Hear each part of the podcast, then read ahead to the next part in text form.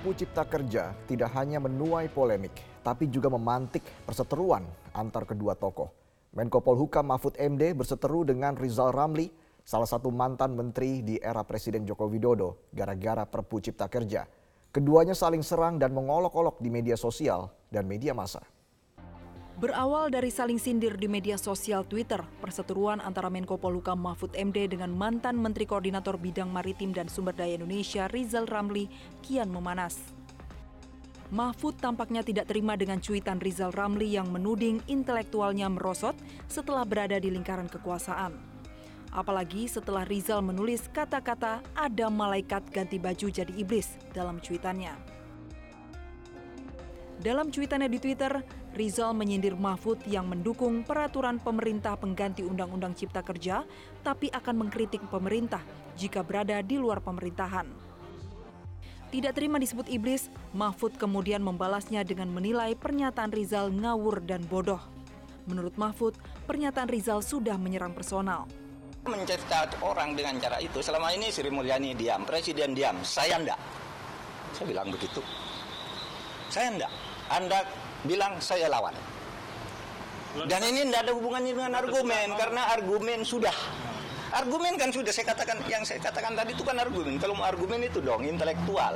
Tapi lalu bilang intelektualnya merosot, itu sudah personal.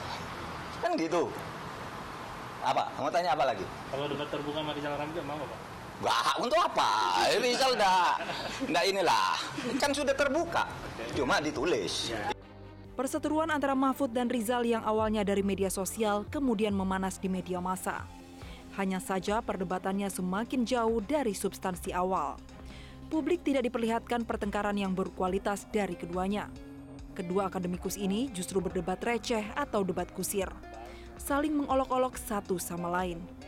Publik justru berharap keduanya berdebat soal Perpu Cipta Kerja secara intelektual, beradu kuat dengan argumen masing-masing. Soal siapa yang berargumen lebih rasional, biar saja publik yang menilainya. Selain Ricky Rizal, terdakwa Kuat Maruf dalam persidangan di PN Jaksel hari ini mengungkapkan hatinya hancur saat menerima telepon dari Verdi Sambo. Saat itu Sambo memintanya untuk berkata jujur dan siap untuk dipenjara. Di samping itu Kuat juga mengaku pernah berbohong dalam memberikan keterangan. Selanjutnya saudara tinggal di situ dari tanggal 8. Kemudian saudara kapan saudara ditangkap? Bukan Dan ditangkap ditahan. yang mulia. Diapain? Saya datang ke kantor Bareskrim. Mm-mm, tanggal berapa itu? Waktu jadi tersangka kalau nggak tanggal 8, tanggal 9 saya lupa. Ah. Jadi saya benar ditangkap. Nah, oke, saudara datang ke sana. Iya karena dapat panggilan. Nah, kemudian Saya datang. Terus diperiksa, saya masih berbohong.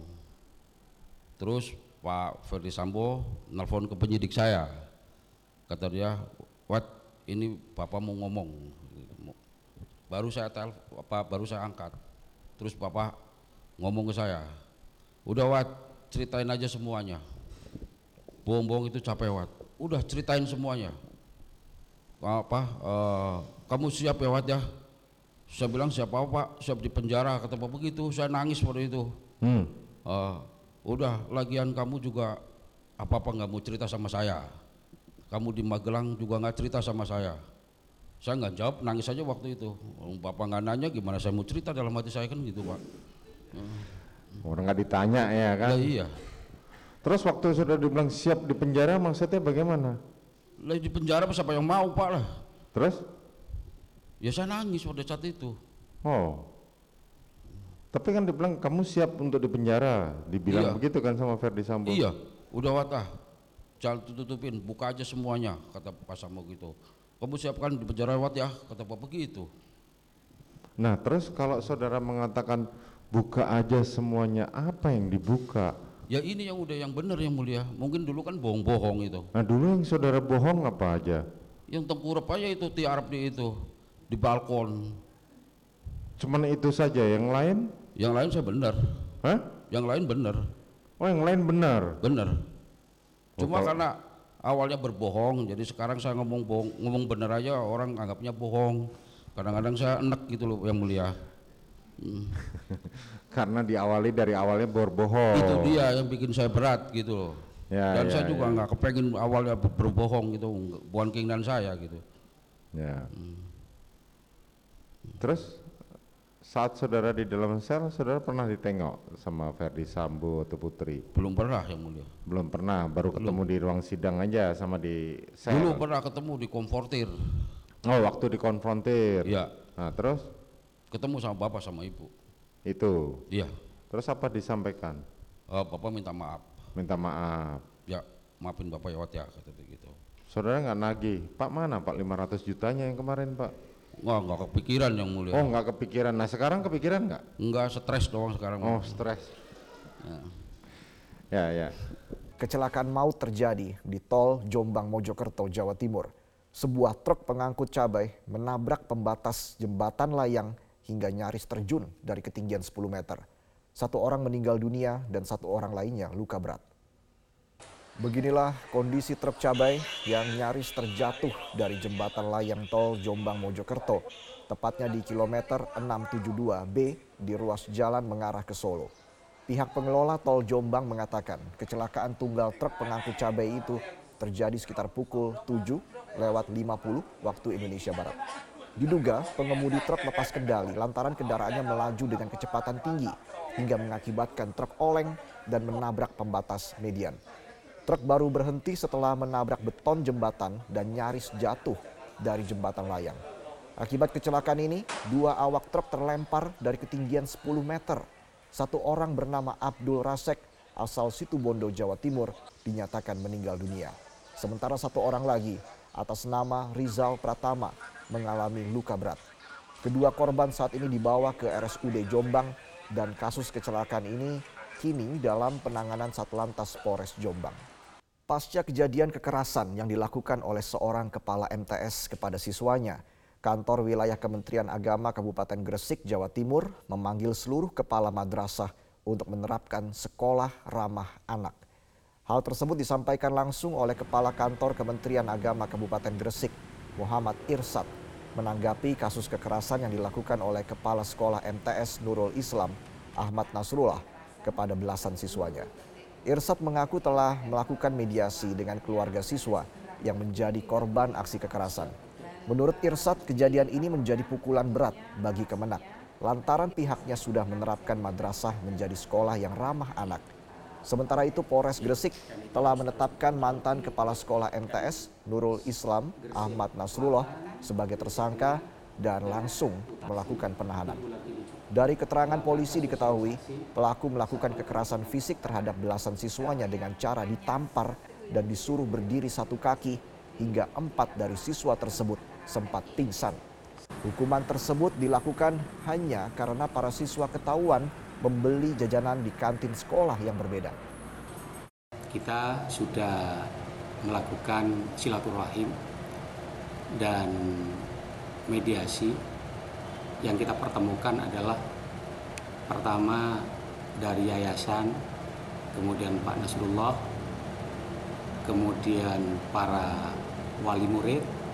Pada tanggal 5 Januari kemarin di Yayasan Nurul Islam.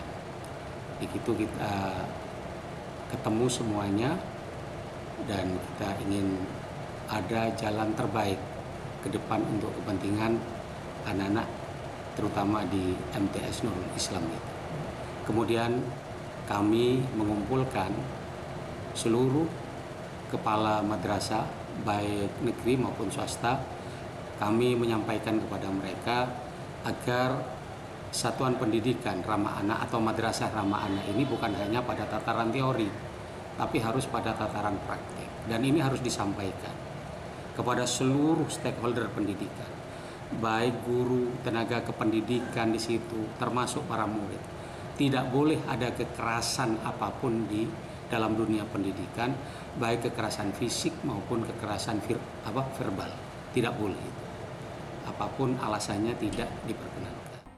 Dari dunia olahraga, selain ingin membawa Indonesia ke final Piala AFF 2022, pelatih Shin Taeyong juga ingin menghapus kutukan tak pernah menang atas Park Hang-seo. Sejauh ini Shin Taeyong belum pernah mengantar timnas Indonesia mengalahkan Vietnam asuhan Park Hang-seo. Sejak membesut timnas Indonesia pada 2019, Shin Taeyong tak memiliki rekor yang baik saat menghadapi Park Hang-seo.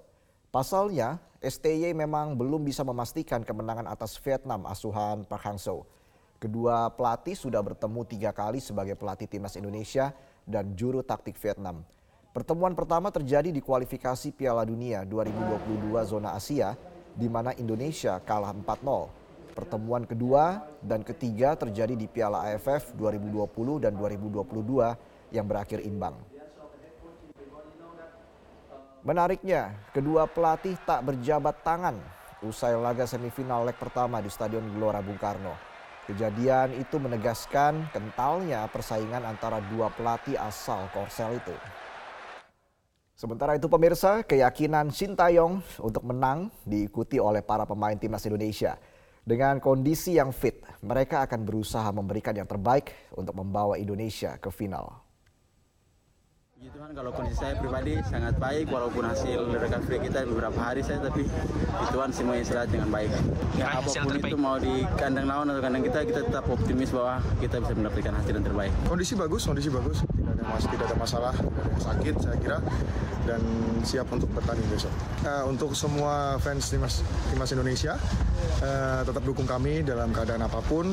Uh, intinya percaya dengan kami bahwa kami sini juga berjuang untuk kalian semua dan doakan kami semoga besok bisa memberikan hasil maksimal dan diakhiri dengan kemenangan untuk tim nasional Indonesia.